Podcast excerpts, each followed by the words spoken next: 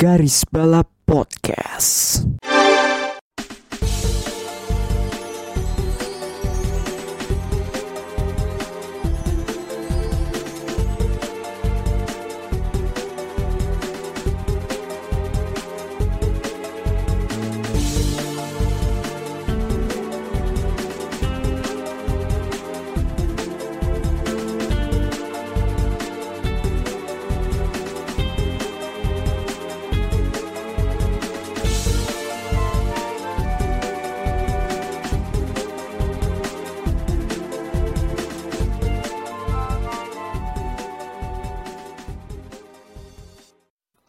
Three, two, one, close the eh salah.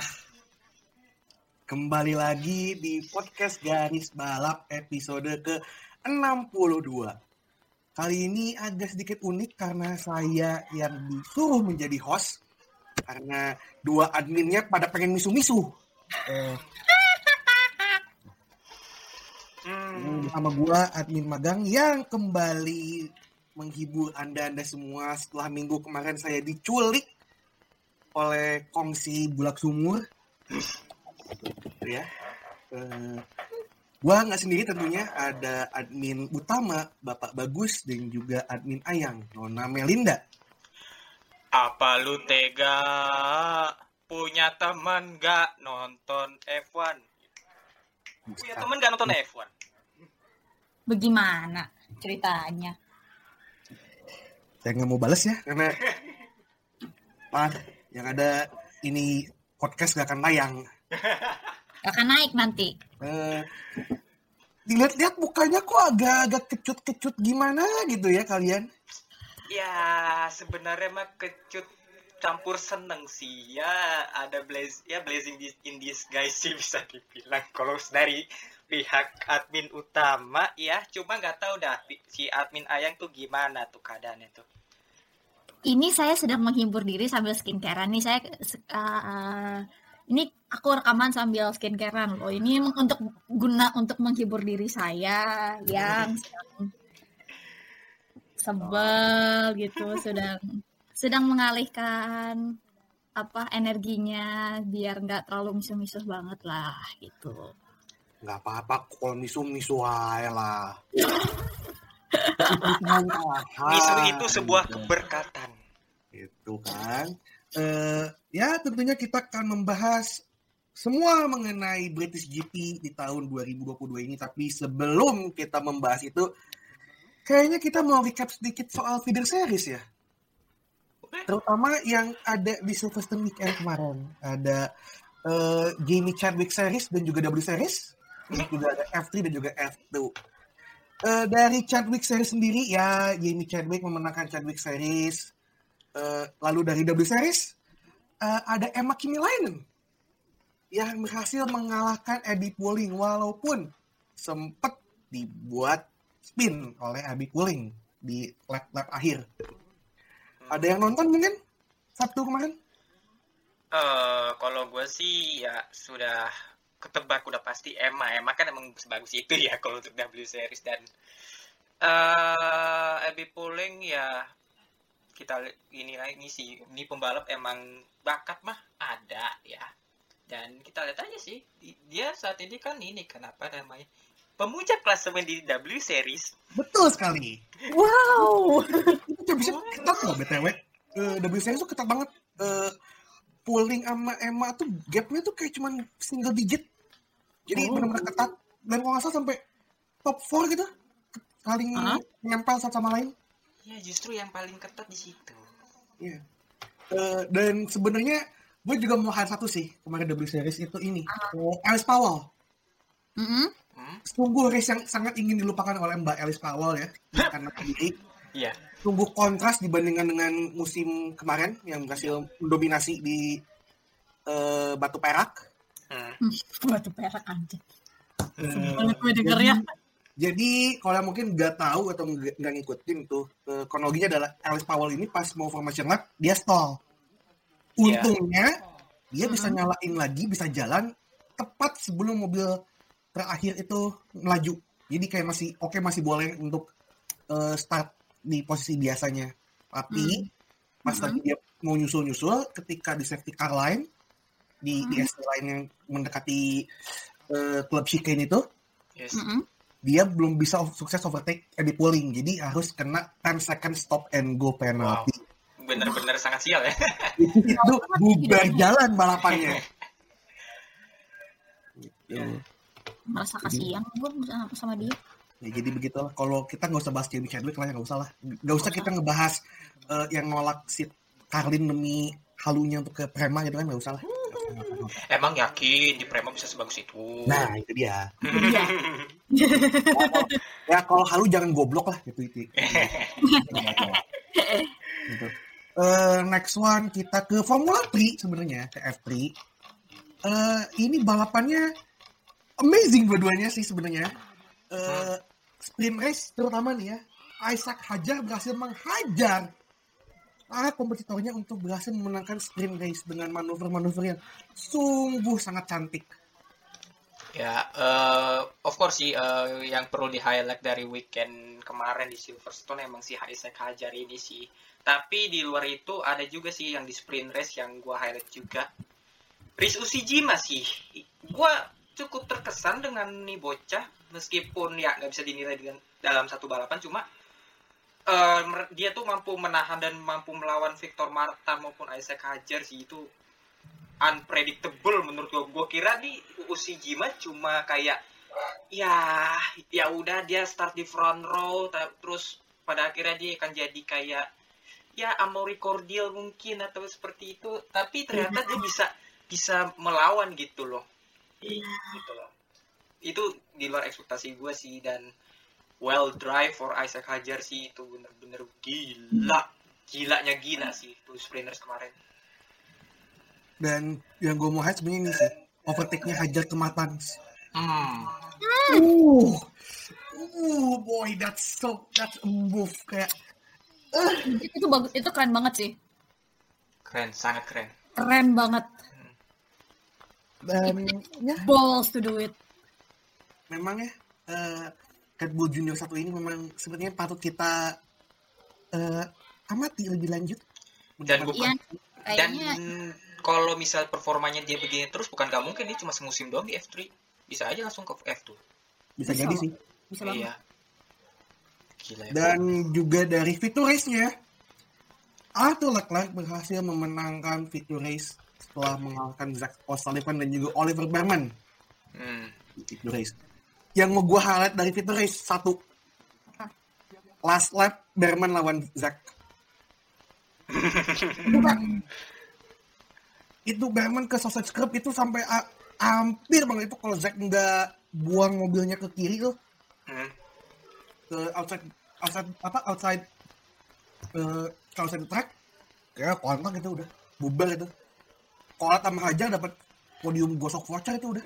Yang hampir abis fail chicken itu ya? Hmm. hmm. ya ya ya ya ya, ya gue ingat. Tapi Zach O'Sullivan juga sebenarnya berjalan apa ya balapan berjalan bagus sih meskipun gak menang tapi ya still podium sih. Ya eh, kembali lagi faktor track yang mungkin Zack udah kenal lebih dalam gitu yang yang yang dia udah sering sering banget balapan di ya. GB3 sama GB4 juga ya dia lebih lebih inilah eh, apa jadi gue sih rada kaget gak kaget sih pas dia dapat pole buat eh, fitur race hmm. Dan juga ini Johnny Edgar.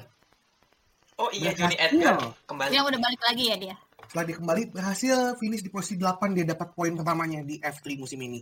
Ya. Edan. Ini fokus bocah ya emang. untuk, untuk Johnny Edgar ya berhasil.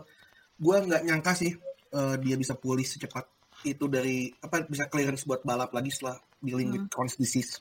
Yes betul. Dan sebagai Oli Berman fans saya cukup senang ya melihat Berman at least dapat podium lagi. Akhirnya. Setelah eh, ya kemarin juga sebenarnya di Silverstone juga nggak mulus sih balapannya. Dia kan terlibat insiden sama si Zin Meloni juga termasuk di sprint race yang gue sebenarnya ag- ag- agak mempertanyakan itu kenapa dia nggak dapet penalti Iya. si Zin Meloni. Si Zen Melvin apa namanya advantage banget tuh saat keluar track itu. Gue gue itu heran kayak ini ya ini kok gak dapet penalti sama sekali tolong gitu kan hmm. tapi Ya. sempat sempat ada apa namanya eh, kontak kan sama Meloni lagi di Iya, di satu di di di, di Victor Race. Iya, Oh my god. emang ini. Yang kontang, sampai bikin melodinya kontang, gak tahu ya. Hmm, Tapi lolos juga dari penalti untungnya. So ya, I think it's ya padanya karma berjalan dengan baik. gitu. Anyway, moving on dari F3 kita ke F2. Dari konflik cukup mengkagetkan bahwa Logan Sargent berhasil eh mendapatkan pole position untuk Victor Race. Gitu kan. nah, Dan, iya. eh, di sprint race-nya ini, wow. Jack fucking Duhan berhasil mendapatkan kemenangan pertama. Eh, kemenangan pertama berarti ini ya? Kemenangan pertama di F2. Iya, kemenangan Iya. pertama di F2. Hmm. El, tapi yang perlu di highlight mah Ayumu Iwasa. Anjing sih itu. Satu lap lagi saja. Satu Bisa lap lagi itu. saja. Bisa itu. Bisa itu.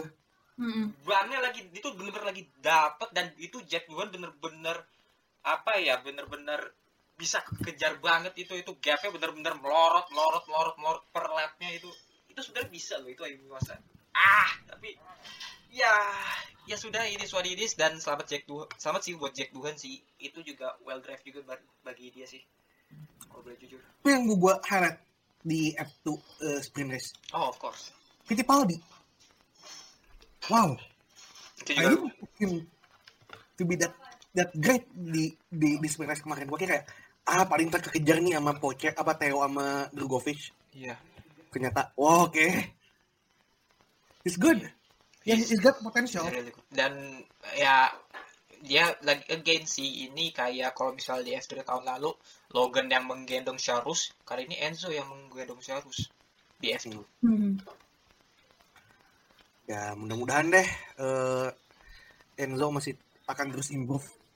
Iya. kayak, sih- kayak sih kalau dari beberapa balapan terakhir sih dia akan improve terus sih asal jangan Mm-mm. ada yang kenapa-napa aja Ya, asalkan jangan kayak Saudi lagi aja tahun lalu. iya ah. Iya. Eh, jangan diingatkan.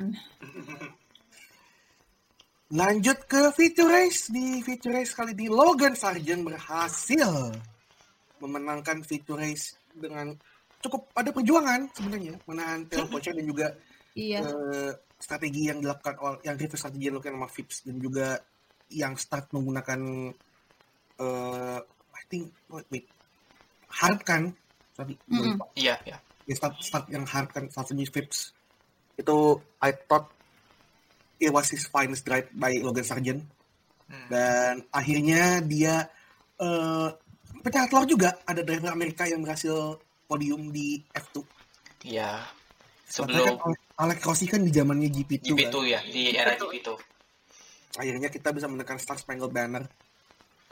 Dan itu pas waktu itu juga kan apa? Eh, menjelang foto Julai juga. iya Ya, ya benar hadiah hadiah untuk ini untuk Amerika. Eh, for July ya untuk- ya by the way eh, tentunya kita eh, mendoakan yang terbaik untuk pada korban-korban yang, yang terkena shootings eh, Oh iya. iya. Iya iya ini di, di 4 of July ini. Mm-mm. Hmm. eh ya dan akhir eh, dari klasemen masih tidak banyak berubah kecuali Logan Sargent yang naik ke posisi ketiga klasemen F2. Hmm. Jadi shall we say Logan Sargent next year F2 champion? Um, maybe Masih belum yakin gue, tapi kita lihat tapi kita lihat dulu aja season ke depan ya the remaining season bakal seperti apa. Kalau Ya. dia masih bisa konsisten seperti ini, kenapa tidak? Iya dan juga kan di membalap di bawahnya juga ya paling nggak di barisan yang Darufala Sargent ini masih sangat bisa merangsek gitu. Tahu-tahu kan ya ini it's, this is F2 gitu nggak ada yang bisa Ya, ditebak juga. Barangkali mungkin Drogovic yang udah bener-bener kokoh di puncak terus dalam remaining season ini bakal eh, ngebotol atau segala macam. Soalnya ya begitu gitu loh.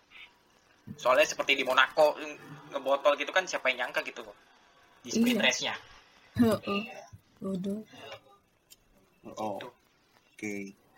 Eh, mungkin itu aja dari pengantar menuju topik utama. Dan mari kita mulai bahas topik utama kita malam hari ini.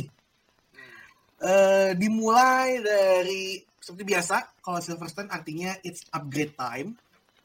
Eh, ada hampir semua tim membawa major upgrade ya. Hampir Banyak. semua banyak hampir banyak kecuali kayaknya Alpha Tauri enggak ya? Alpha Tauri no. no mereka nggak bawa upgrade Eh, hampir semua tim bawa upgrade. Eh, Red Bull itu juga cukup kelihatan, terutama di bagian belakang. Eh, agak lebih ngebentuk ya, kalau saya dibilang. Mm-mm. Iya. Alpine Terus- juga. Alpine Oke. juga mungkin jadi kayak hybridnya antara Ferrari dan juga Red Bull.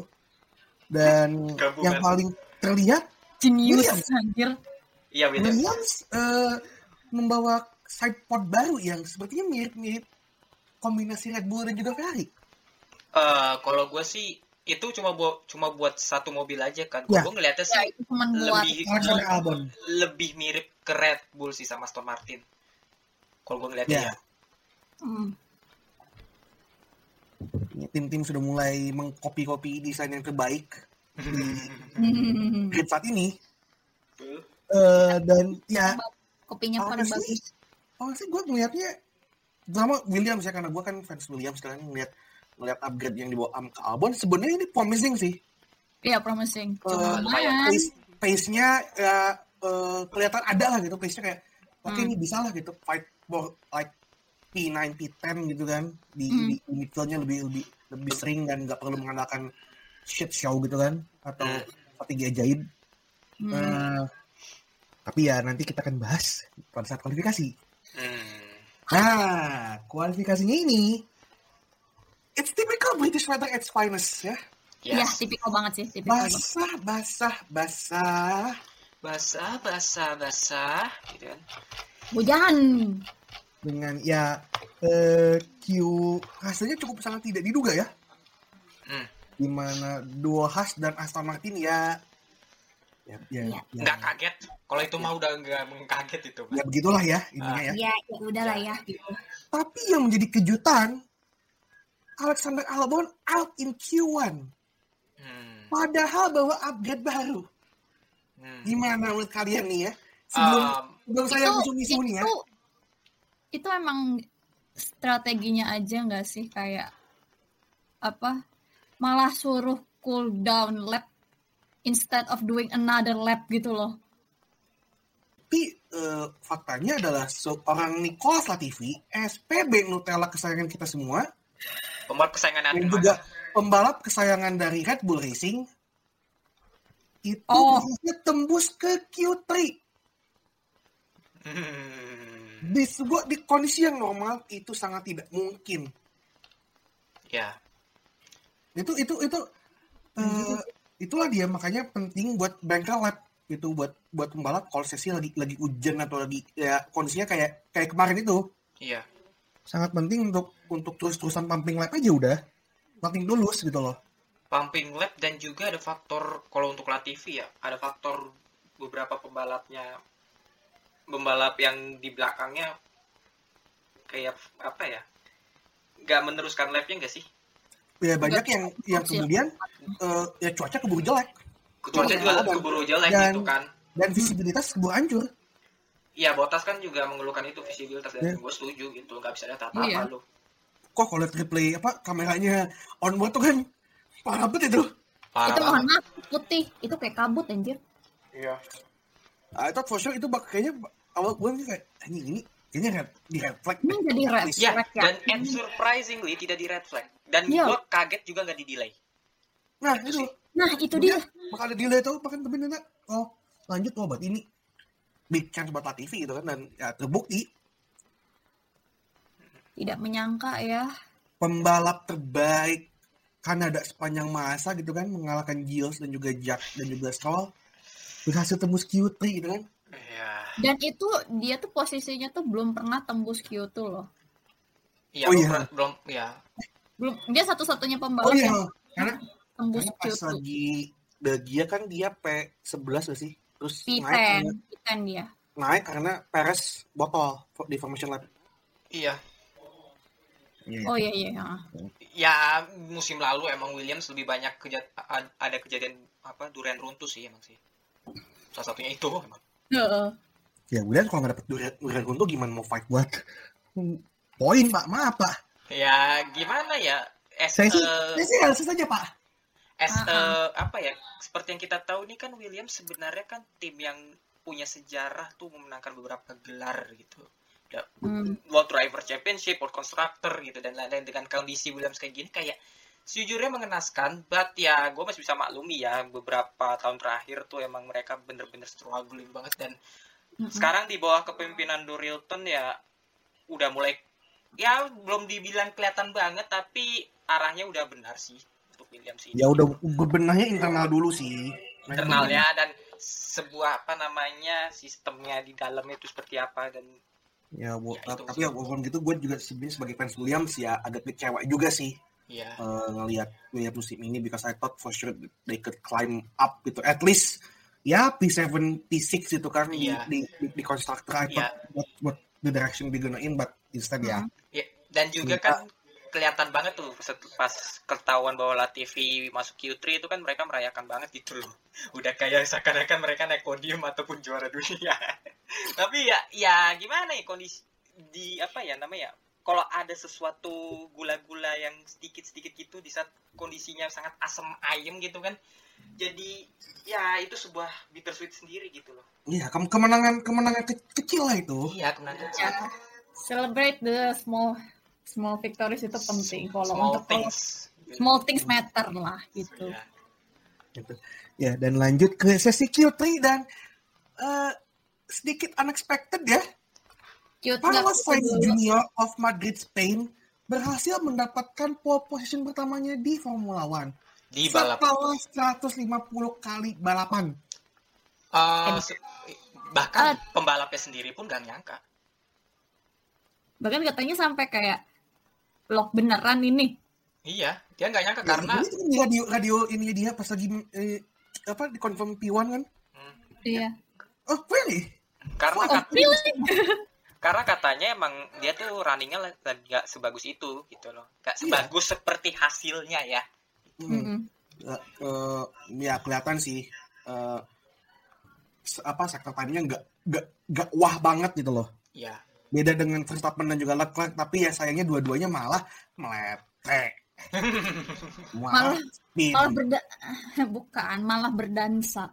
Tapi ju- tapi jujur ya eh, di luar itu sih sebenarnya Max Verstappen tuh punya peluang juga loh. Wah. Peluang paling besarnya tuh ada di Max Verstappen think- actually. I think I think it's Verstappen's pole tulus sebenarnya. harusnya karena Harusnya. itu gila ini orang nih mulus bener ya, ya sebelum kejadian itu kan jadi dan juga Leclerc gitu loh Lo- kan dari apa ya dari dari Q1 Q2 itu kan udah emang Leclerc Verstappen dan diganggu sedikit oleh Perez dan menurut oh, Perez secara sedikit mengejutkan Iya. bisa bisa mulus ya Gue ada- kaget sih karena karena mengingat Perez hujan dan Silverstone bukanlah jodoh. Bukan, Hmm. bukan. Dia nggak begitu bagus Match made in di heaven. Dan- hujan. dan Ya Hamilton ta- tahu lah gitu kan. Lewis, Lew, apa sorry Lewis lagi. Ceko kalau tiap-tiap di Silverstone kayak gimana balapannya? yes Iya. dan juga Hamilton ya kita harus kasih kredit lah ke Hamilton Wah. Tonking lap. lumayan lah Ya ini ada arah-arah Mercedes it's heading towards but The good apa positif gitu loh. Tapi Iya. gua nggak mau bilang ini benar-benar positif atau cuman false positif aja gitu kan. Iya. Eh, ya pembuktiannya mungkin nanti Hungary sih mungkin ya. Kalau dari Iya. gua karena karakteristik tracknya yang relatif bumpy dan juga banyak uh, slow corner kan jadi kayaknya tes utamanya Mercedes ada ada di situ. ya seperti yang pernah gue bilang gue menantikan apa musim keduanya Mercedes dan Lewis Hamilton Hmm. Oh, Aja nih. hmm. ya profisiat buat Carlos Sainz Junior yang ya akhirnya pecah telur lah ya, udah hampir mau overtake Ceko, rekor Ceko juga kan, Hampir, hampir. hampir. Iya, Ya, good good for Sainz dan moving on kita ke balapannya. Ah, man, where do I start? Uh, that first lap So fucked up banget sih itu. Se- sejujurnya eh, kita udah lemes duluan sih pada saat melihat ada mobil terbalik meluncur itu itu kita nggak tahu itu siapa dan apa namanya eh, pada saat si Crofty itu live commentary di situ kan itu apa dia nyebutnya George Russell George Russell kirain George Russell beneran ternyata si Guan Yu Zhou dan Eh, kudos juga sih sebenarnya buat buat Marshall dan juga George eh, medical team plus George juga yang Plus George. deket. Eh, George juga kan eh, Iya. keluar dari mobil langsung lari ke nyamperin Guan Yujo dan langsung apa ngebantu sebisanya dia gitu kan untuk ngarahin Hmm. Marshall dan tim evakuasi dan, dan medical untuk cepet-cepet Hmm. ke sisinya Guan Yujo. Hmm. Tapi ya selain insiden itu yang thankfully Guan Yujo itu eh aman, se- eh, selamat dan juga Sehat walafiat. eh, sehat walafiat, cuman Hmm. dibawa ke medical center aja untuk untuk pengecekan. Ada juga Alex Albon. Tapi itu kesalahannya Vettel gak sih? Ya, ya in a Dia way, ya, ya in way kaget juga sih semua. Kaget ya. Ya, ya it's chain reaction tuh loh. Lo nggak bisa gimana gimana lagi, Vettel nggak bisa itu ya nggak nggak ada ruang lagi. Mau Iya. gimana? Udah telat-telat kan ya wes. Tapi un- Itu, tapi yang gua eh, khawatirkan dari Albon Tim itu kan nabrak barrier, eh sorry nabrak eh, wall sam- pit wall kanan, iya. Mm-mm. melintir, ditabrak sama Ocon dan juga Sunoda. Dan gua khawatirkan dari Albon itu tuh sebenarnya tangannya sih. Karena itu kan bener-bener Ya. kontaknya langsung prak Nah. gitu kan. Nah, Dan dia iya. tangan Sebenarnya masih tangannya masih nempel di steering wheelnya gitu. Itu yang gua takutkan. Tapi, eh, Nah, dan itu kan sampai apa si G-force detektornya kan sampai angka yang harus dia harus dibawa ke rumah sakit itu kan di- harus dibawa ke medical check up. Hmm. Dan iya dan Untungnya aman. uh-uh.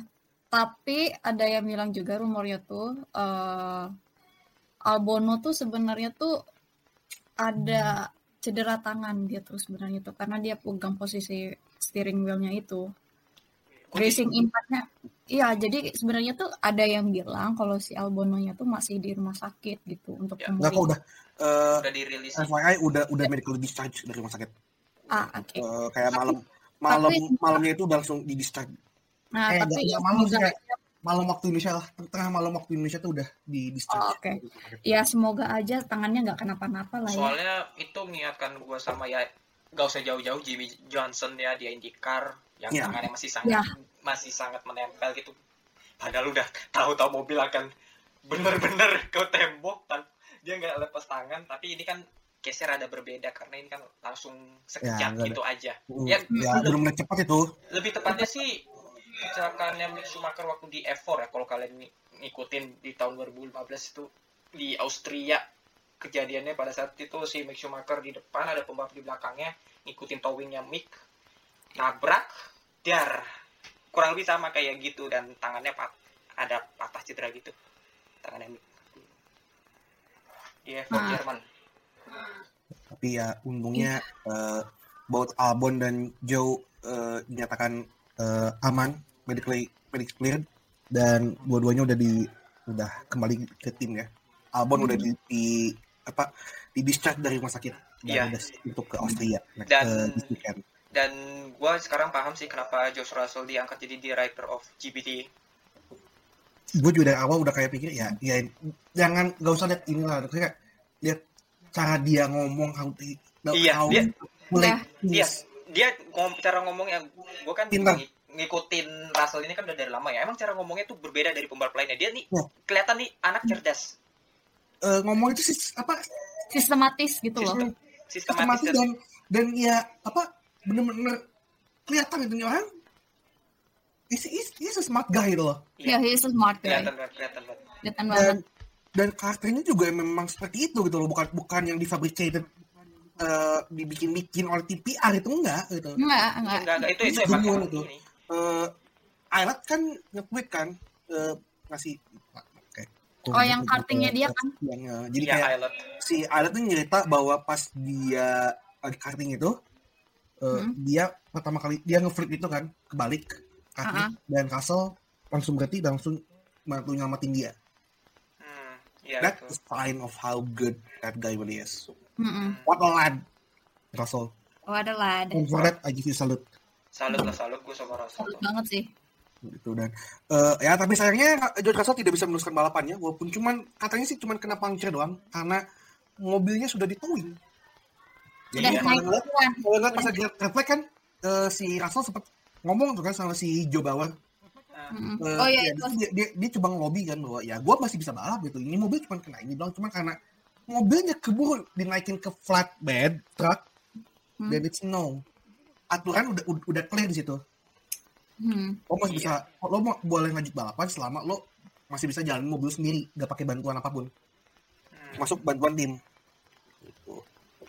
Apa Iya. sih di situ emang si Russell tapi Ya, ya, iya. dia mengorbankan balapannya sih.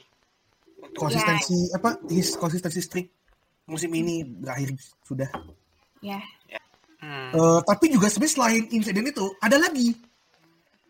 Ada sekumpulan orang goblok Oh, yang Ah. aktif melakukan protes dengan eh, maju ke I, I forgot which aku lupa man, lurusan yang mana ya itu ya. Ah, yang ini apa sih namanya? itu yang Wellington State bukan? Yang di bawah yang yang ada terowongannya tuh mana sih tuh? Aku lupa pokoknya iya di situ lah. Itu Eh, dari hanger, lupa. hanger streak. oh ya ada ya di di, di Hanger Straight. Untungnya pas kejadian itu udah red flag Iya. Karena invasion itu red flag dan ya cepet-cepet di handle oleh Marshall dan apa kepolisian gitu kan. Jadi aktivis-aktivis ini mengata ya membawa isu environmental ya, di mana eh, direspon oleh Vettel dan juga Hamilton sebagai para aktivis F1 itu sebagai para SJW eh, SJW F1 mereka bilang mereka sympathy with the cause but not with the method dan menurut gua ya memang metode seperti ini tidak akan membuat orang jadi simpati sih. Justru, justru, justru, justru pendapat yang kayak gitu malah lebih ke Vettel. Hamilton malah kayak ya ya udah biar gitu biar apa ya itu hak mereka untuk Ya, berpendapat. eh, tapi kalau Vettel itu lebih Tapi kayak nggak, tapi sorry, tapi Lewis nge, apa Mercedesnya sih nge retract statementnya Lewis. oh, tapi Maksudnya Lewis tuh Lewisnya bukan, kan, bukan, kan. tapi lebih ke ya he- he support the cause but not di eh, apa metodenya karena itu kan membahayakan semua pihak gitu loh, termasuk Iya. pembalapnya. Nah, makanya le- lebih fair opinionnya lebih ke Vettel menurutku sih. Iya, Di Vettel langsung.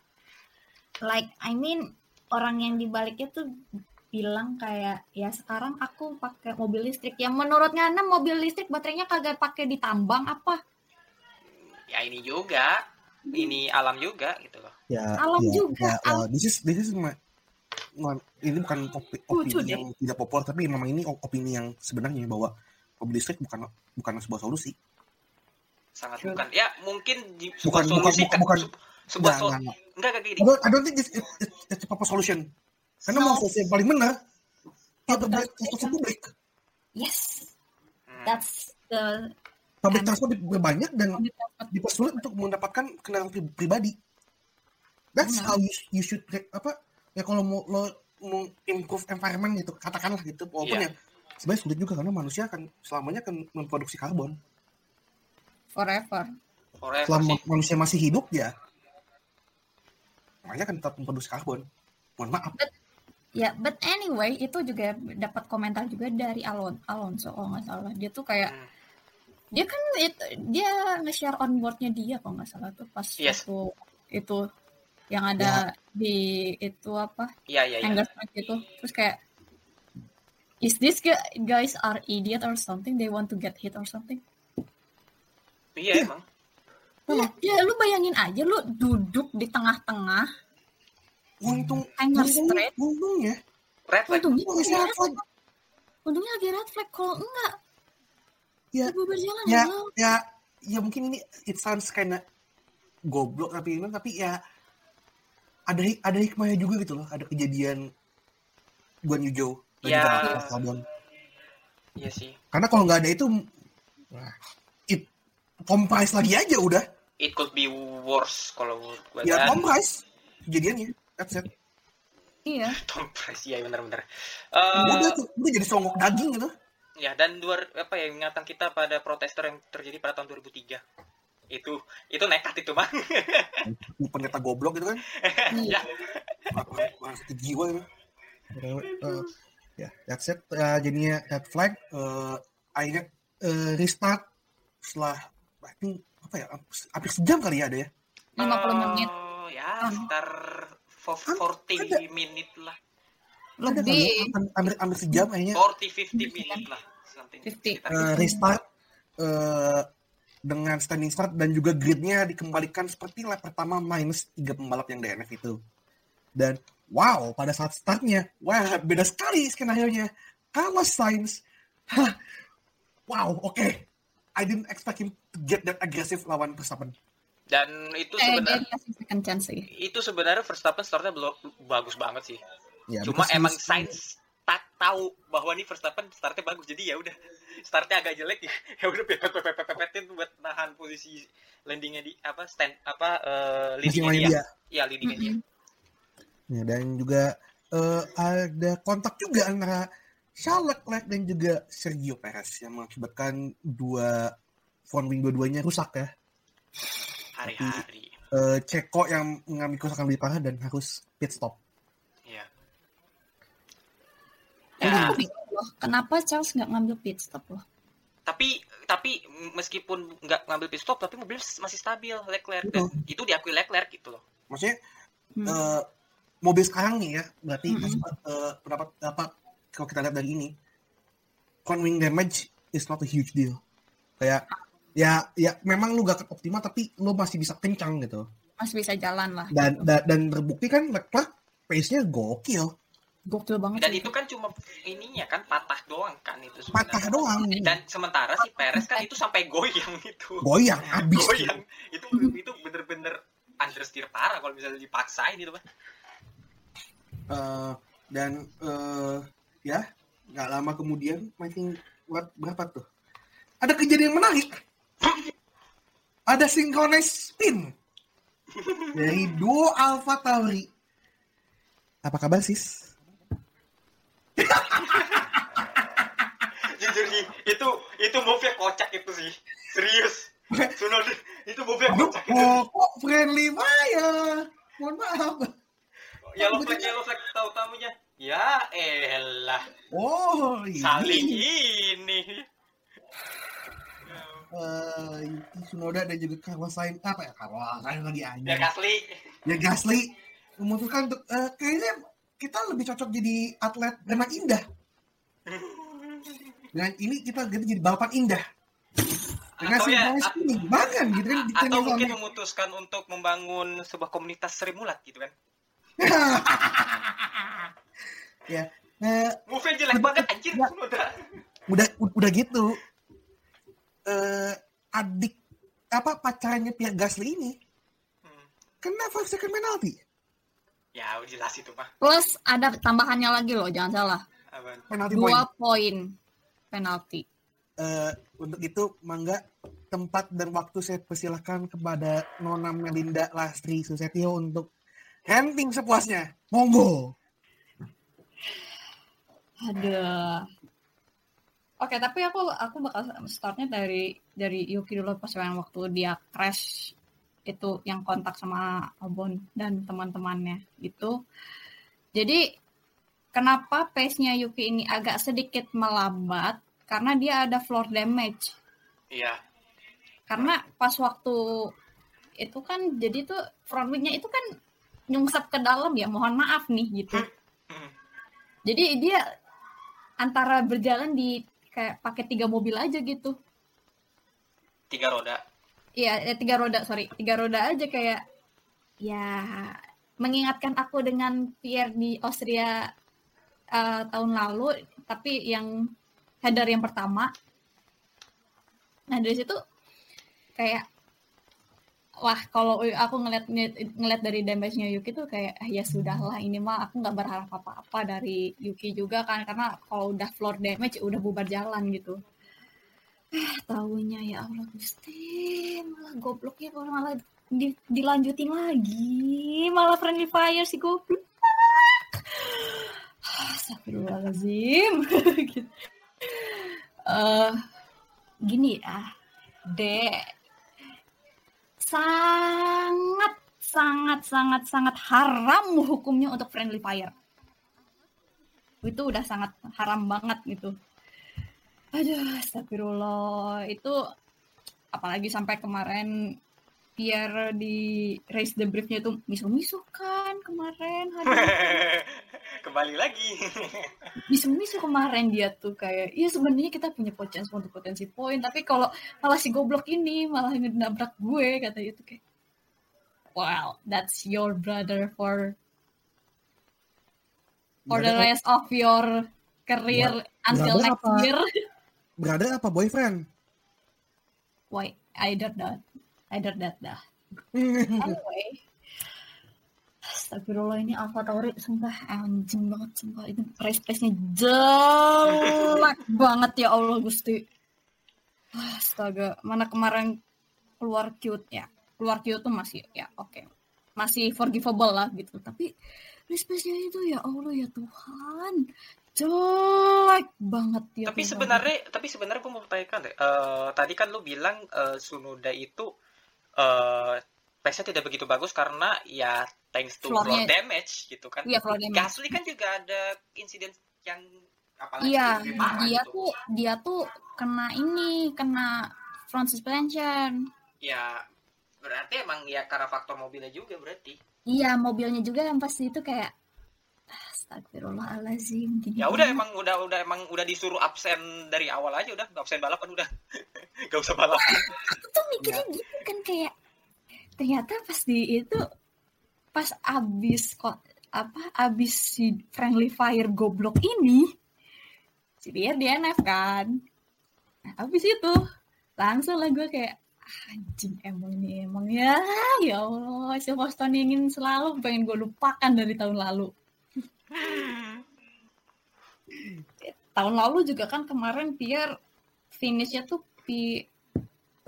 P12 kalau nggak salah. P12 atau P, eh, P13 gitu. Pokoknya kemarin waktu tahun lalu tuh dia pace-nya juga sama-sama jelek gitu.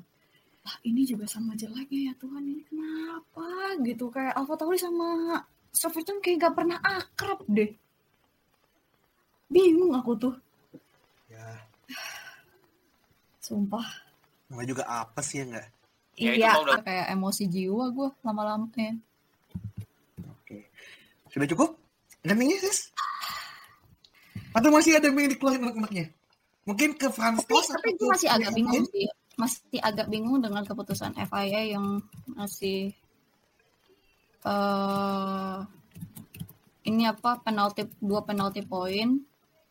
Meanwhile kalau dilihat-lihat tuh cuman Yuki doang yang sering kena gitu. Max sama Ceko tuh nggak pernah kan hampir jarang banget kena penalti poin gitu. Terus gue pikir kayak ah what's wrong with this steward ya? Ini ini mungkin gue aja yang agak bias tapi gue merasa kayak Yuki tuh paling sering kena uh, penalti point gitu dibandingkan yang lain. Kalau dilihat-lihat ya. Kalau ini mungkin biasnya gue aja gitu tapi gue ngerasanya seperti itu. Begitu. Sekian sesi misu-misunya admin Ayang. Kita lanjutkan ternyata efek dari insiden Sunoda ini berdampak juga kepada tim utamanya. Max Verstappen mengalami kerusakan di bagian belakang eh, mobilnya ya yang awalnya dikira puncture. Awalnya dikira puncture tapi ternyata kerusakannya bukan. Adalah Awalnya bagian belakang mobilnya. eh bukannya floor ya Ingatku Ya, bagian bagian belakang pokoknya yang dibilang sama si GP sih kalau di radionya. ah Hmm. Jadi itu dan jujur itu semua pada sorak-sorai itu mah di Nobel kemarin itu. Max Verstappen melambat lo melambat kenapa? Katanya puncture, tapi ya masuk pit, ya masuk pit dan ternyata pada saat masuk pit tidak menyelesaikan masalah. Masalah. Ternyata 100% broken kalau kata si Verstappen ya. Jadi ya dari saat itu ya mobilnya jadi damage limitation mode aja udah seperti kayak Hungaria mm-mm. gitu. Eh, tapi itu pace Tapi juga tapi ya sebelum kejadian itu sebenarnya Max udah oke nge-pressure science sampai science-nya meletrek.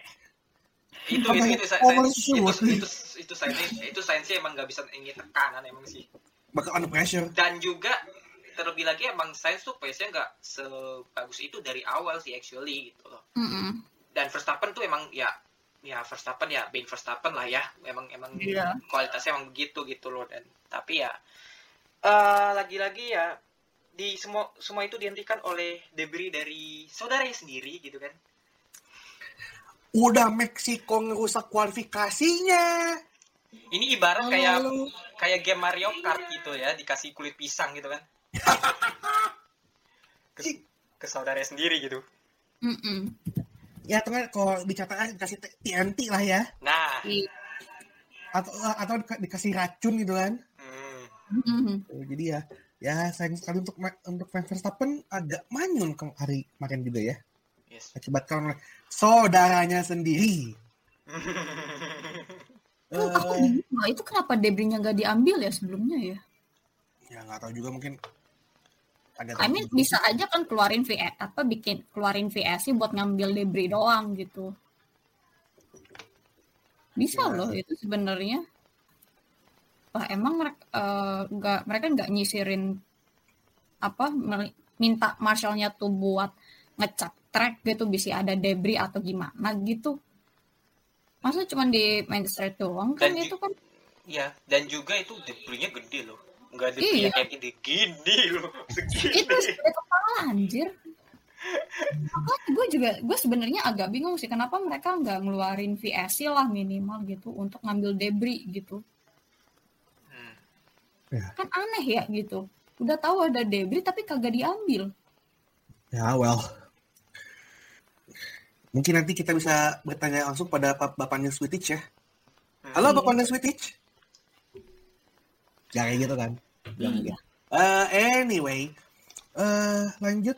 Lihat, Nah, setelah max speed kelihatan banget eh Sainz juga tidak begitu optimal eh, pace-nya dengan ban ini dan malah Leclerc yang dengan mobil agak cacatnya itu malah tetap malah mendekat itu kan dengan pace cukup kencang dan di belakangnya juga ada Sir Lewis Hamilton yang surprisingly wow oke his pace was good dan dia nggak ngeluh soal ban lebih ke dan juga kan dalam weekend kemarin kan bouncingnya udah mulai berkurang ya Mercedes yeah. ini udah masih ada bouncing tapi kayak kayak nggak nggak nggak se ekstrim nggak yang major kayak di baku gitu hmm, dari sampai encok lah gitu kan iya mm -hmm.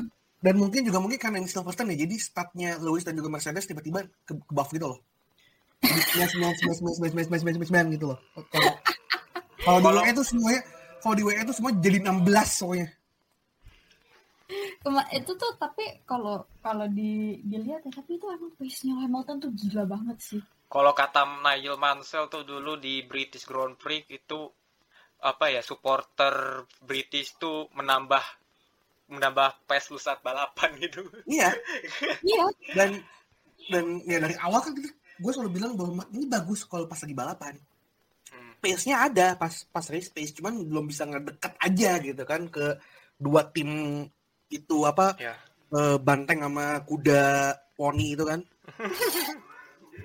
kuda poni apa, apa kuda lumping ya? Eh, cuma nanti malah jadi gepeng dong eh, dan ya eh, dan switchnya agak cukup ini ya. Agak agak gimana sih kalau menurut gue ya? Switch switch the position ya. Nah, ketika tukar posisinya apa Sainz sama Leclerc itu agak-agak kayak eh, lama nggak sih menurut kalian? Kayak kayak ada faktor indecisifnya dari Ferrari juga nggak sih? Iya, terlalu lama dan itu kembali lagi ke Ferrari strategi gue gak paham ya. Itu udah jelas-jelas dari lap beberapa lap sebetulnya emang spesial Leclerc itu lebih sangat lebih bagus daripada Sainz dan ternyata baru lap berapa sekitar Wah, pokoknya dua tiga tiga empat lap setelah apa tuh namanya setelah ini dan ya swap position pada akhirnya gitu Dan Oke, balapan tidak berhenti di situ saja. Karena ternyata pada saat Esteban Ocon battle dengan Max Verstappen di mana Ocon berhasil overtake Verstappen, gak lama kemudian meletrek dong mesinnya. Fuel problem. tipikal gak sih Renault Ya, kemarin waktu itu juga Alonso juga gitu kan iya batuk. Mesinnya batuk eh. Dia tipikal Renault lah, kalau gue Iya. lihat tuh. ini ini mesin Itu- atau kuota internet Buset. Foto ikut akhir bulan itu IndiHome. iya Ya, gitu lah. Tapi padahal Oh. pace-nya Alpine lumayan loh sebenarnya Ocon Oh, tuh. oke. lumayan banget apalagi Alonso Alonso Battle juga. McLaren bisa apa bisa tuh battle sama McLaren. Tapi ya itu kembali lagi reliability-nya itu yang kadang suka nggak ketebak gitu kan. Suka kadang Tidak bagus tidak kadang- secara tiba-tiba gitu kan lagi bagus-bagusnya eh. Ya, meletrek ujung-ujungnya kan. Iya. Dan Mhm. ya Ocon berusaha untuk bisa ke pit tapi ternyata takdir mengatakan bahwa mobilnya berhenti di old pit straight. Eh iya kan old, old pit straight Enggak pit lane iya. yang lama. All pit lane, Iya, betul pit lama. lane lama ya. di national pit lane dan akhirnya safety car is out. Dan itu di Itu Nobel saya- Jakarta, itu di Nobel Jakarta itu pada pada saat momen itu pada saat si Ocon apa melambat pada track safety car, safety car, safety- beneran. Oh iya, car. iya, Jogja iya. lama. Jogja saya pandu untuk safety car, safety car. Ujung-ujungnya saya ditelep di DM sama tetang sama anak kosan sebelah. Hmm. Kenapa? Karena udah udah jam berapa tuh kan udah jam 11. Iya. Ah, Jadi ada noise complaint. Gitu ya. Eh, anyway, ya safety car out dan kemudian membuat tifosi jadi overthinking. Di mana yang masuk ke pit malah Carlos Sainz, bukannya Charles Leclerc yang diminta oleh Ferrari untuk stay out dengan dengan alibi bahwa banyak Leclerc masih fresh. Gimana pendapat Bapak Bagus sebagai eh, tifosi garis kenyal? Eh, kalau lu berpendapat bahwa katanya Leclerc bannya itu masih fresh, ban masih fresh itu ya kontol lah. karena, begini, itu udah lama ya Pak, mohon maaf. Itu ban Ya, saya meng- mengcopy alibinya Binoto. Ya makanya gue bilang ya itu kan lu mengcopy al, ya al- si alibinya Binoto gue bilang kayak NTL udah. Ya gim, gimana ya lu Ayo, lanjutkan, dan, dan juga gini gini gini gini. Gue ngebayangin aja nih Leclerc bertahan di apa namanya di apa namanya stay out gitu kan. Dalam beberapa lap sebelum Ok- apa ya Ocon itu berhenti dan diputuskan untuk safety car itu sebenarnya Leclerc udah pace udah gak begitu bagus loh actually loh sejujurnya ya kalau boleh Hmm. jujur gitu loh Agak mulai ke- kekejar sama Al Emma sama Sir Lewis juga kan? Iya. kekejar Sir Lewis sama ya itu gitu. Dan ya itu sih kembali lagi sih gua ya gua nggak tahu ya. Dan malah yang di jujur ini gak hanya gue yang terheran-heran. Seluruh orang di Nobel kemarin tuh heran-heran kenapa sains gitu loh kan? Padahal saat itu si Leclerc berpeluang banget untuk bisa apa namanya menang gitu loh. Asum, asumsi kalau dia masuk pit gitu. Ternyata si Sainz dan ternyata gue baru ba- apa baru baca lagi alibinya Binoto gitu kan. Si kampret ini eh bahwa i- dia memutuskan untuk memasukkan sides ke pit itu un- dan mengganti ban ke soft. Dengan harapan Sainz ini bisa menahan pembalap di belakangnya untuk memberi Leclerc kemenangan. Logikanya gini, logikanya gini, pada saat eh, logika tim F1 F1 lainnya, pada saat safety car di beberapa lap terakhir, selalu lu masuk pit dengan pakai ban pit dengan ban soft, itu kan otomatis ya lu udah nating tulus aja nih, push aja hingga akhir gitu kan, pastinya kan. Ini Mm. kagak disuruh nahan anjing. Lu bayangin disuruh nahan pem 10 10 8 pembalap di belakang anjir dah. Gue gak, gak, gak bisa gak, gak masuk sih eh, apa namanya? eh logikanya Binoto tuh kayak fuck. Ini anjir. Dan juga ini lagi nih eh, apa namanya konyolnya lagi mereka tuh melakukan pit stop bukan berdasarkan data tapi dengan ya Allah semoga saja strategi saya berjalan se- sesuai rencana dan sesuai harapan saya. Amin. Udah sesuai harapan begitu aja gitu loh sesuai. Aku gak ngerti lah dengan si Ferrari ini to be honest. Tapi ya ini malah jadi durian runtuh buat Carlos. Dan untungnya Carlos Sainz tidak mengikuti strateginya Binotto. Untung Ya. loh. Ya. Untung.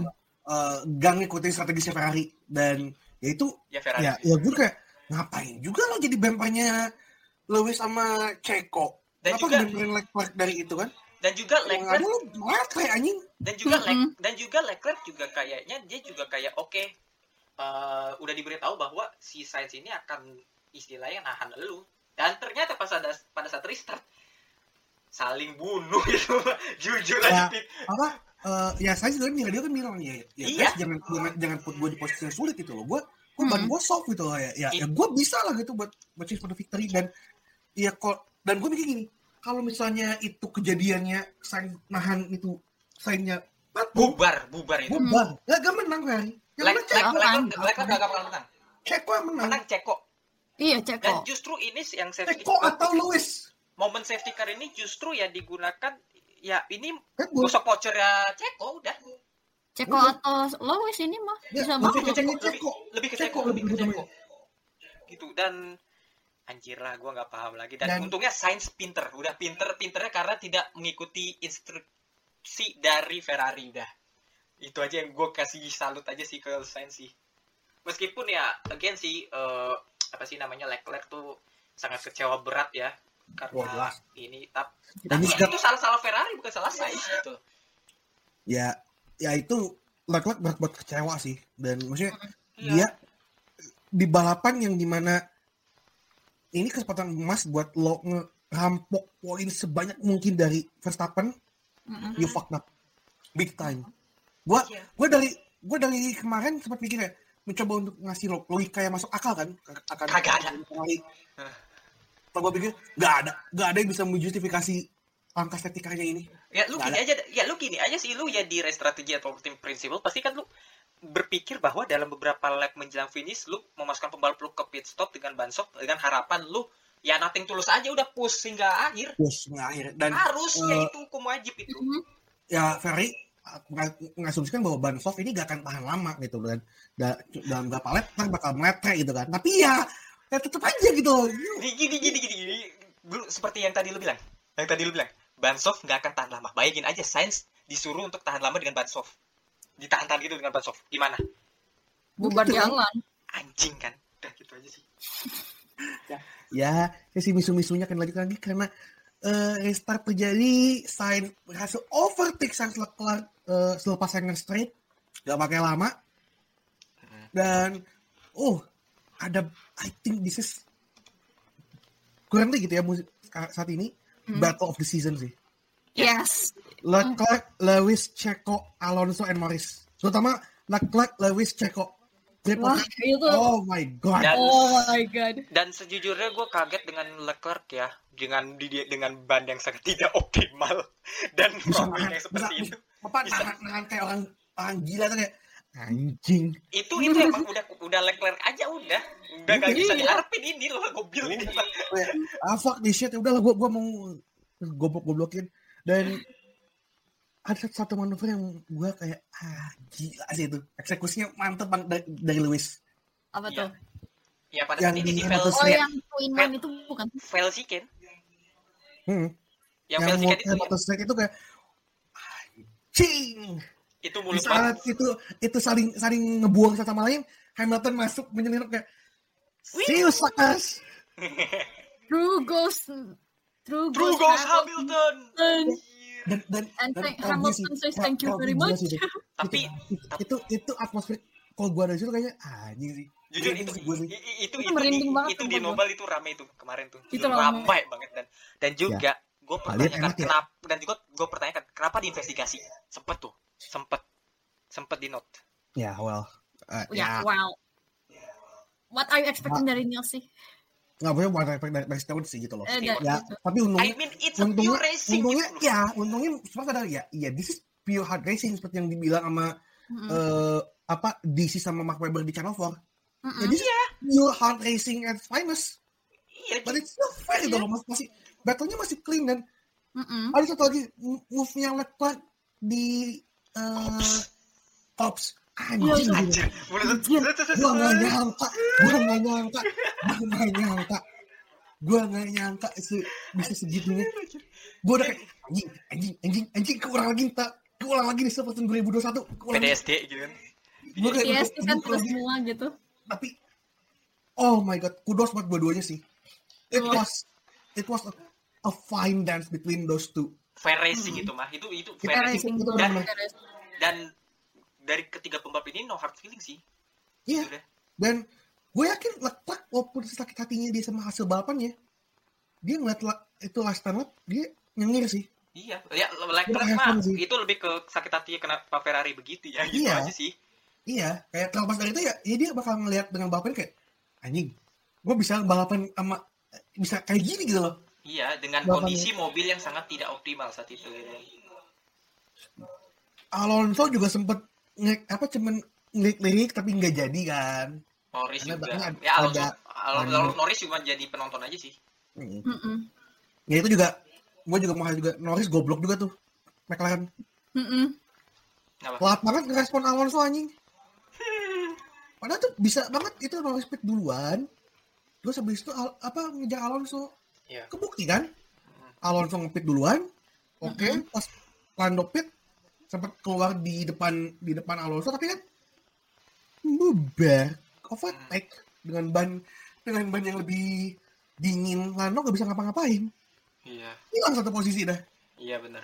Ya, Tapi ya in the end itu bener-bener pure racing at its fi- best at its Wah, finest gitu mah. masih masih masih Iya. okay this is this is this is this is still one of the best battle that I've seen Hmm, Dan juga Iya. jarang-jarang kan ada tiga pembalap yang battle sampai segitunya gitu. Itu kan segitunya kayak ya segitunya itu cing itu bahkan kayak Alonso siap-siap untuk kayak eh aku mau jauhin dong battle ini gitu permisi ya teman-teman ini, ini cuman ya akhirnya ya meskipun Ya, again, ya it's susah sih untuk untuk Alpine Susah. bisa uh, McLaren buat buat buat ngerusak hegemoni itu tiga. iya bener. Uh, ya, dan akhirnya Carlos Sainz Junior untuk pertama kalinya sepanjang karirnya berhasil memenangkan Grand Prix pertamanya. oh sebelum Ini itu battlenya Max sama Mick Tahan, sabar, sabar sis, sabar sis. Sabar. Saya mau ini, sabar. Sainz berhasil memenangkan eh, balapan di Silverstone kali ini disusul oleh eh, Sergio Checo Perez. Ada bapaknya di sana, kaget gue. Dan ada ketiga ada Sir Lewis Hamilton yang eh, kembali lagi mengasihkan diri sebagai legenda di Silverstone. 13 podium di selama karirnya di Silverstone. Dan ketika yang sudah finish, ini di belakang ternyata masih ada battle yang sangat seru ini. Antara Schumacher melawan Verstappen, tapi ini bukan eh, Michael melawan Yos atau yang melawan Michael, tapi Max Verstappen melawan Mick Schumacher, sebuah anomali, kawan-kawan. itu, itu pas lagi nyoba kita ada ketawa sih kayak anjing Verstappen lawannya Schumacher anjing Lawannya Mick. tapi semua itu itu ya Max being Max sih defense-nya ya is big Max being that bully on on defense eh ya itu tapi Mick, Mick juga bisa bisa calm and compose nggak nggak yang desperate move apa yang puas sama desperate move gitu loh kayak di Miami. Nggak kayak pas Miami Tapi ini Oh. sejujurnya sejak dia dikritik sama Gun- Gunter Steiner itu kan emang nih Mick emang apa ya? Kayaknya udah sadar sih ini jadi harus Ya. jadi musim pembuktiannya gua Iya gitu loh. ya ya walaupun menurut gue juga a bit harsh ya buat dikritik di depan publik maksudnya Iya. terutama eh, yang gue ya ini gue tadi mendengar podcastnya Dres eh, bilang ya kalau di media Jerman itu keluarga Schumacher apa Schumacher Camp itu rada-rada gak asal gitu loh sama komentar Steiner. Hmm, Harusnya tidak seperti itu. Harusnya Hmm. lu bisa omongin itu di belakang, nggak usah ngomong di depan media. nggak usah itu ya. Iya dan juga Itu ya. dan juga ya itu sih apa sih namanya eh kudos sih buat Mick juga sih dan Proficiat buat Mick yang akhirnya pecah telur akhirnya. 30 sekian balapan. Mm-mm. dan ya mudah-mudahan dari sini ya beban dia udah lepas lah gitu ya bisa bisa tampil lebih bagus lagi lah ke depannya bisa bisa tampil bisa tampil lebih lepas lagi bisa. Ya udah lah gitu kayak ya udah beban beban yang sama ini ada di pundak dia udah keangkat lah gitu loh. Mm-mm. jadi mau mau jadi ini sih moral boost buat dia buat Hmm. ke depannya itu mah. Yoi. dan ada satu momen yang bikin gue agak-agak cukup ngerebes midi dikit ya. Kalau kata kalau kata patah Jawa tuh. Ini pada saat ada Gina dan juga Corina Oh iya, di radio. Hmm iya. itu perlu di highlight perlu di Gue highlight nang, gue hampir nangis. Sesaat setelah itu ditayangkan gue pengen nangis. if only Michael was there to see his son get his first point Kayak gue speechless Kayak- itu mah gue speechless itu kayak. gue pas gue kan nggak nggak lagi nob kan nambah kan jadi nggak nggak kedenger jelas juga kan suaranya di video kan pas gue Ah. nonton di YouTube suara suara Gina itu si Gina super tadi kayak gila terus ada ada kayaknya ada Corina juga deh Iya, ada Ada- Corina, ada- ada Corina, ada Corina. Karena juga ada ada ada di tempat kan. Kita kayak, gila, man. If only Michael was there.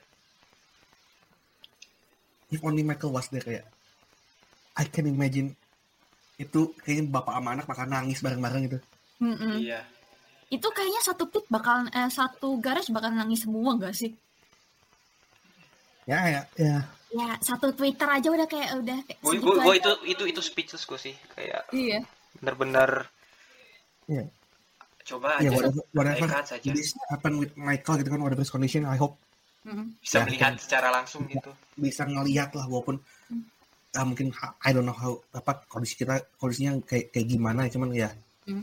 I hope he can be proud of his son gitu loh Yoi. what he could what he could able to achieve karena say whatever you want about Mick but one thing for sure he's now an F1 point scorer that's it That's it. Mm. that's it Dan seperti apa yang kata Mick di tim radio, ya live in yourself aja, prove it and believe in yourself itu. Mm-mm. Dan dia selalu kayak percaya pada diri sendiri, gue bisa, gue bisa, gue bisa. Cuma again si lucknya, Mm-mm. Nah, lucknya. Luck yang Dan pada saat ketemu momen di Silverstone kemarin, dia nggak mau menyanyiakan ini kayak di Miami waktu lalu gitu kan. Dia benar Mhm. mau membuktikan dan ternyata tidak meskipun nggak bisa tapi ya ya oke gitu dan nyaris tuh di last turn-nya banget tuh itu hampir aja itu tuh.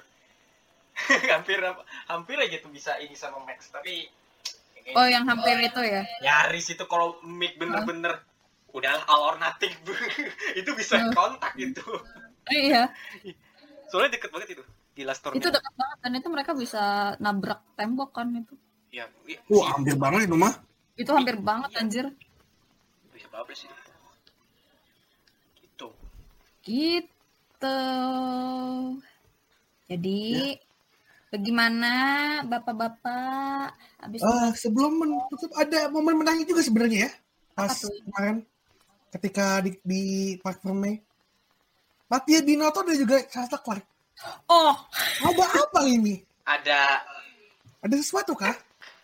Karena eh, gestur body language-nya it's a bit panas kayaknya gitu loh. Um, dan I think I think ini, ini, ini asumsi gua dulu ya. Hmm, mungkin lo punya asumsi lain. I think it goes with ka- apa pesan radionya Leclerc sih. Yang itu kalau lo pada denger semua pas lagi pas lagi cooldown lapnya itu buset. Leclerc pedes banget pedes anjing. Iya iya iya iya.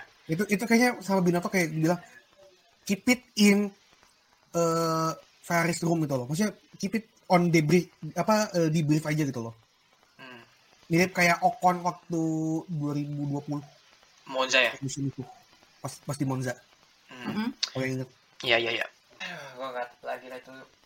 Ya gue sih gue sih berharapnya ini bukan jadi singgungan antara Leclerc atau Sainz ya tapi ini Mhm. emang Leclerc sama Ferrari-nya aja yang kayaknya Leclerc udah mulai-mulai nih ada trust issue tersendiri sama Ferrari gitu. Dan it begs me to question sebenarnya. Apa? Kalau Ferrari terusan kayak kayak gini ya dalam artian ngerusak peluang mereka sendiri gitu kan? Mm-mm. do you think Leclerc will get out from Ferrari? Bisa aja at sih. the end of his Bisa contract banget, bisa Bisa banget, bisa banget. kayak mungkin bisa aja Oh, sih Leclerc kayak nggak melihat bahwa di tim akan ke jalan yang apa nama yang seharusnya gitu kalau misalnya masih seperti ini terus ya lu nggak akan ke mana-mana gitu loh pasti Iya. nggak akan melihat itu gitu mungkin. Iyalah. I mean, se-golden boy-nya Charles juga pasti eh, dia juga mikir lah gitu kayak ya ngapain gua stay di tem- di tim yang kayak begini strateginya kayak badut gitu. ya gini aja sih mobil lu sudah bagus pembalap super kalau mau gue bilang top lah Heeh. tapi keduanya ini tidak didukung dengan or apa ya orang yang di balik layarnya gitu loh orang yang di balik layarnya nggak ngedukung itu gitu Hmm, mm. itu akan jadi sia-sia men Benar benar Gus. Lo bilang mau mesin mobil bagus. Ah, I mean secara I performa beg, I beg to differ. Kenapa Back to differ iya sih. Mohon maaf itu mesin Ferrari tahu sendiri kan seperti apa. Ah, iya iya enggak maksud gue di luar mm, apa namanya eh, faktor-faktor itu gitu kalau misalnya tidak ada faktor-faktor itu mungkin ya bisa nih mobil apa ya jadi dalam tanda kutip penantang gitu. Lagi-lagi sih ini emang fak- Hmm. tapi kan apa ini sih apa sih namanya faktor utama Ferrari nggak hanya di ini aja sih lebih ke orang di balik layarnya aja. Ya, I mean the whole team, bu- Whole team. the whole operasional ya bukan bukan tim ingat gitu. Orang lupa. Karena itu udah lama gak nyicip gelar juara. Iya dan juga ya jadi ya, Ya, in a way, Leclerc rusak ya bukan karena dianya gitu loh. bukan karena dia. Udah dari zaman Vettel sama Leclerc gitu emang ini tim emang ya udah gitu. Ini kayak masa mereka mau apa ya? Mengulang kesalahan yang sama. Dan itu dan itu yang kata waktu si Sainz sama si Leclerc yang restart itu itu nyaris loh kayak di Vettel sama Leclerc yang 2019 Brazil nyaris itu loh. Untungnya ya itu sih. Again sih. Ya, eh I think juga in a way. Karena sih ya, ini Anabel gue ya. Mungkin kali agak sedikit hesitant untuk full team order tuh karena Austria 2002. Mungkin, I don't know. Ya Austria Oh. 2002 mah itu emang emang gamblang banget sih itu mah Ta- tapi Mm-mm. ya again sih lu nggak nggak apa ya lu harus secepatnya memutuskan sih nggak bisa dengan berlarut-larut seperti itu dan menjalankan strategi yang ya yang tidak logik aja gitu zero logic kalau gue bilang mah. Zero logic. Namanya Dustin. Good.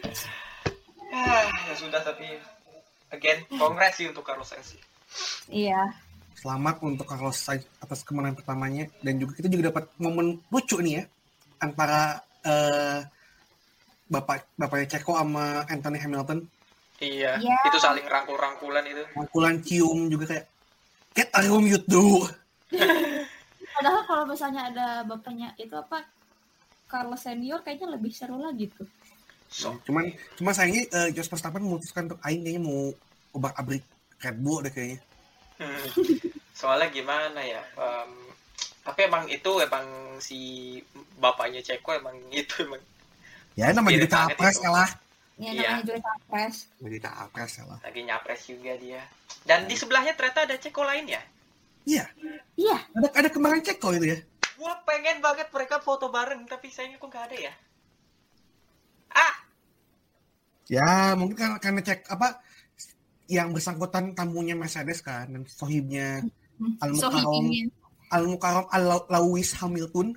Anyway, untuk menutup kali ini ya di untuk membahas balapan terbaik di musim ini dengan melihat kejadian yang terjadi nggak cuma di F1 ya pas kemarin Yes. tapi juga di F2 juga Hmm.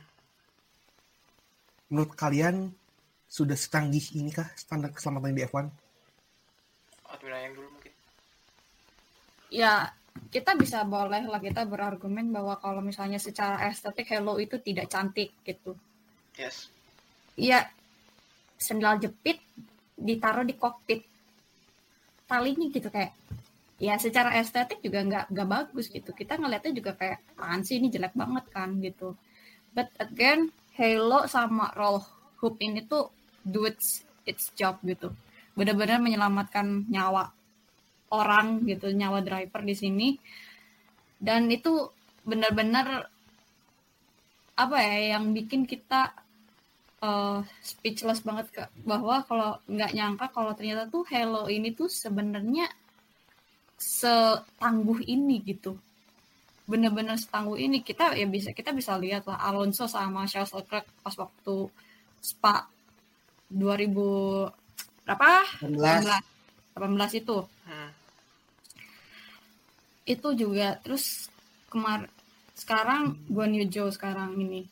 Itu catnya udah ngeletek semua udah hampir udah ngeletek semua itu. Dan roll hopnya tuh udah hancur gitu. Dan tapi dia berhasil menyelamatkan Guan Zhou ini menunjukkan bahwa ini ya bolehlah kita benci secara estetik tapi kita untuk kita lebih benci bahwa kalau ada pembalap yang eh, malah ada yang cedera atau mengalami sesuatu yang lebih buruk daripada itu gitu.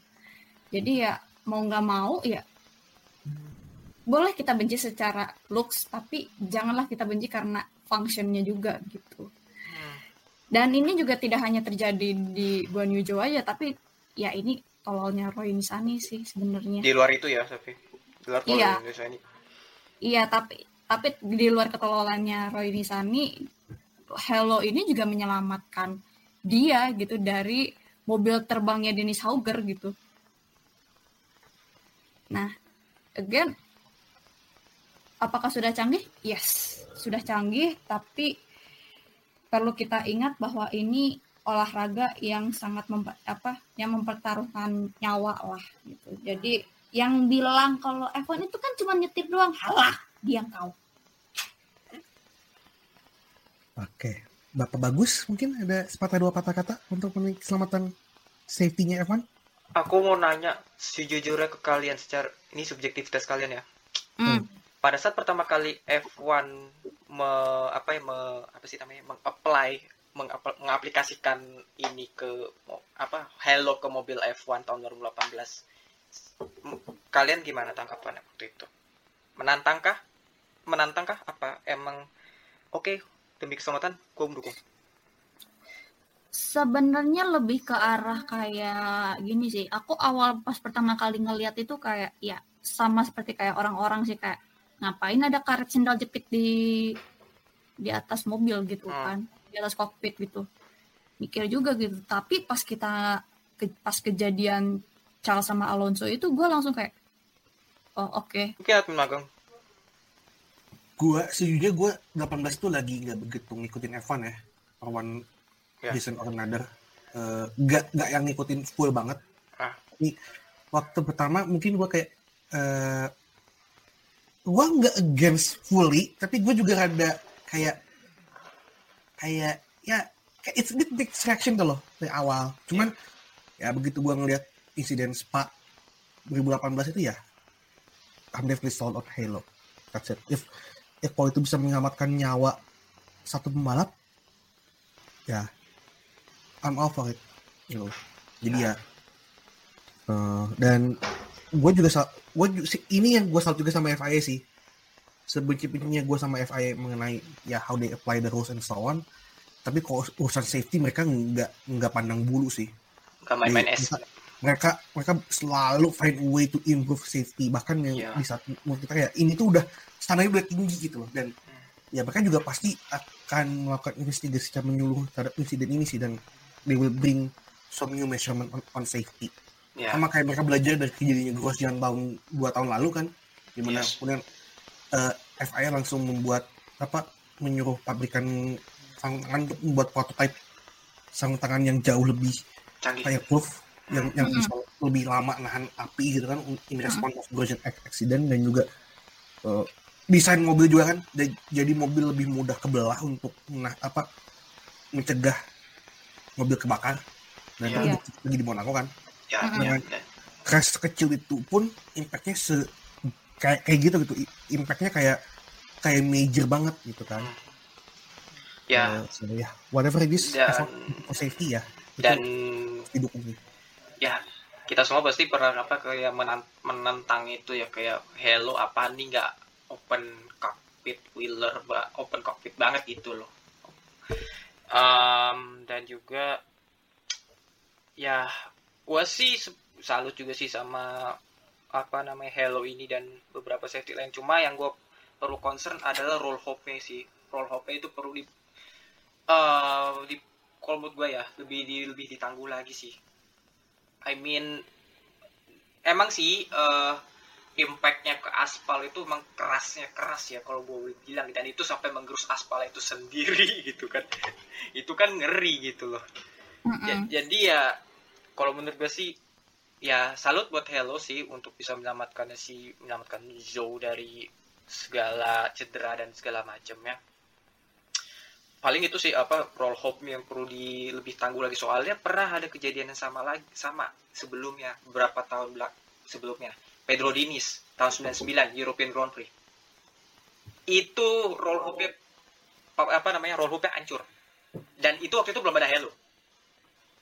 Jadi bener-bener literally Pedro Diniz mobilnya terbalik kena kontakan sama Alexander Wurz pada saat pada saat start kontak mobilnya sedikit terbang kebalik begitu gitu. Sempat ngangkat sempat sempat bentuk tanah ngangkat terus kebalik. Dan roll home-nya benar-benar hancur dalam keadaan terbalik. Jadi eh kalau dibilang canggih apa ya kalau dari sisi Halo sih canggih. Cuma gua lebih meng, apa ya lebih memberi kasih saran aja sih roll hop perlu di lebih tangguh lagi. Jangan nunggu Hello ini apa ya jangan terlalu tergantung sama Hello ini. Hello kan juga uh, untuk menghindari debris kan itu mah uh, salah satunya gitu. Pada saat balapan jadi menurut gue roll hop perlu dipertangguh lagi dan ini sih apa sih namanya sama jarak deng, apa barrier ama catch fencingnya terlalu jauh gak sih? Agak jauh gak sih? Itu yang membuatnya terjeb si Zo terjebak kan? Iya. itu mungkin perlu mungkin lebih didempetin or mungkin lebih diperluas lagi. I don't know gue- yang pasti un- untuk mempermudah evakuasi pembalap itu sendiri sih concern gue sih ya kalau untuk safety ya di situ sih lebih ke jarak antar barrier sama catch fencing sama roll hopnya itu itu palingan mah. Mm-mm. Dan on that note, kita akan mengakhiri sesi podcast hari ini. Eh, episode kali ini, sorry. Thank Oh you ya, so much. oh. S- Sorry, satu kat, apa satu kalimat lagi.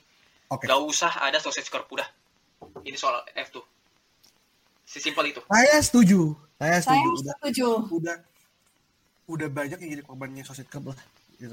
ya dan dan juga yang ini ya, dan juga ya ini Peron, Peroni, Iya, terus benar-benar. Baginda yang mulia Kanjeng Adipati Sultan pemimpin besar revolusi ayam di Indonesia gitu kan. dan juga Dan ini juga eh, apa mantan drivernya Grand Tour Mbak Abby Eaton juga jadi korban kan. Abby Eaton dan dan juga ini gua nge-quote apa namanya pernyataannya tweetnya si Alex Ursi. Dulu kita punya high curb.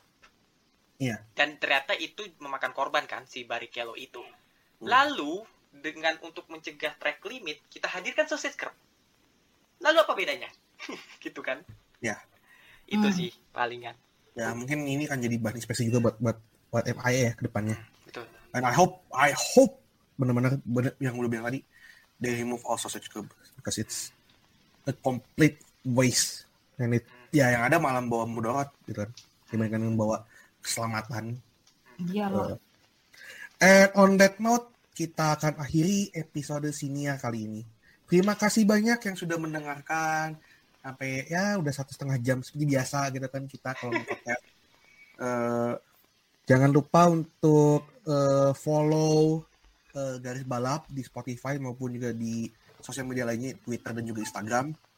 Eh, jangan lupa juga minggu ini kita akan ada Six Hour of Monza debut pertamanya Pujo di WEC kembali lagi setelah berapa tahun nanti mereka udah 11 tahun. 11 11 tahun tahun. ya? Hmm, 10 tahunan lah. ya setelah hampir satu dekade tidak ada di ajang ketahanan terbaik di dunia kembali lagi dan eh, tentunya akan ada F3, F2 dan juga F1 di Austria F1 sprint race. dan juga ada F1 Sprint Race. Nah, sekian dari kami kami para admin garis balap. Terima kasih. Sampai jumpa di kesempatan berikutnya. Ciao. Salam motorsport. Dah.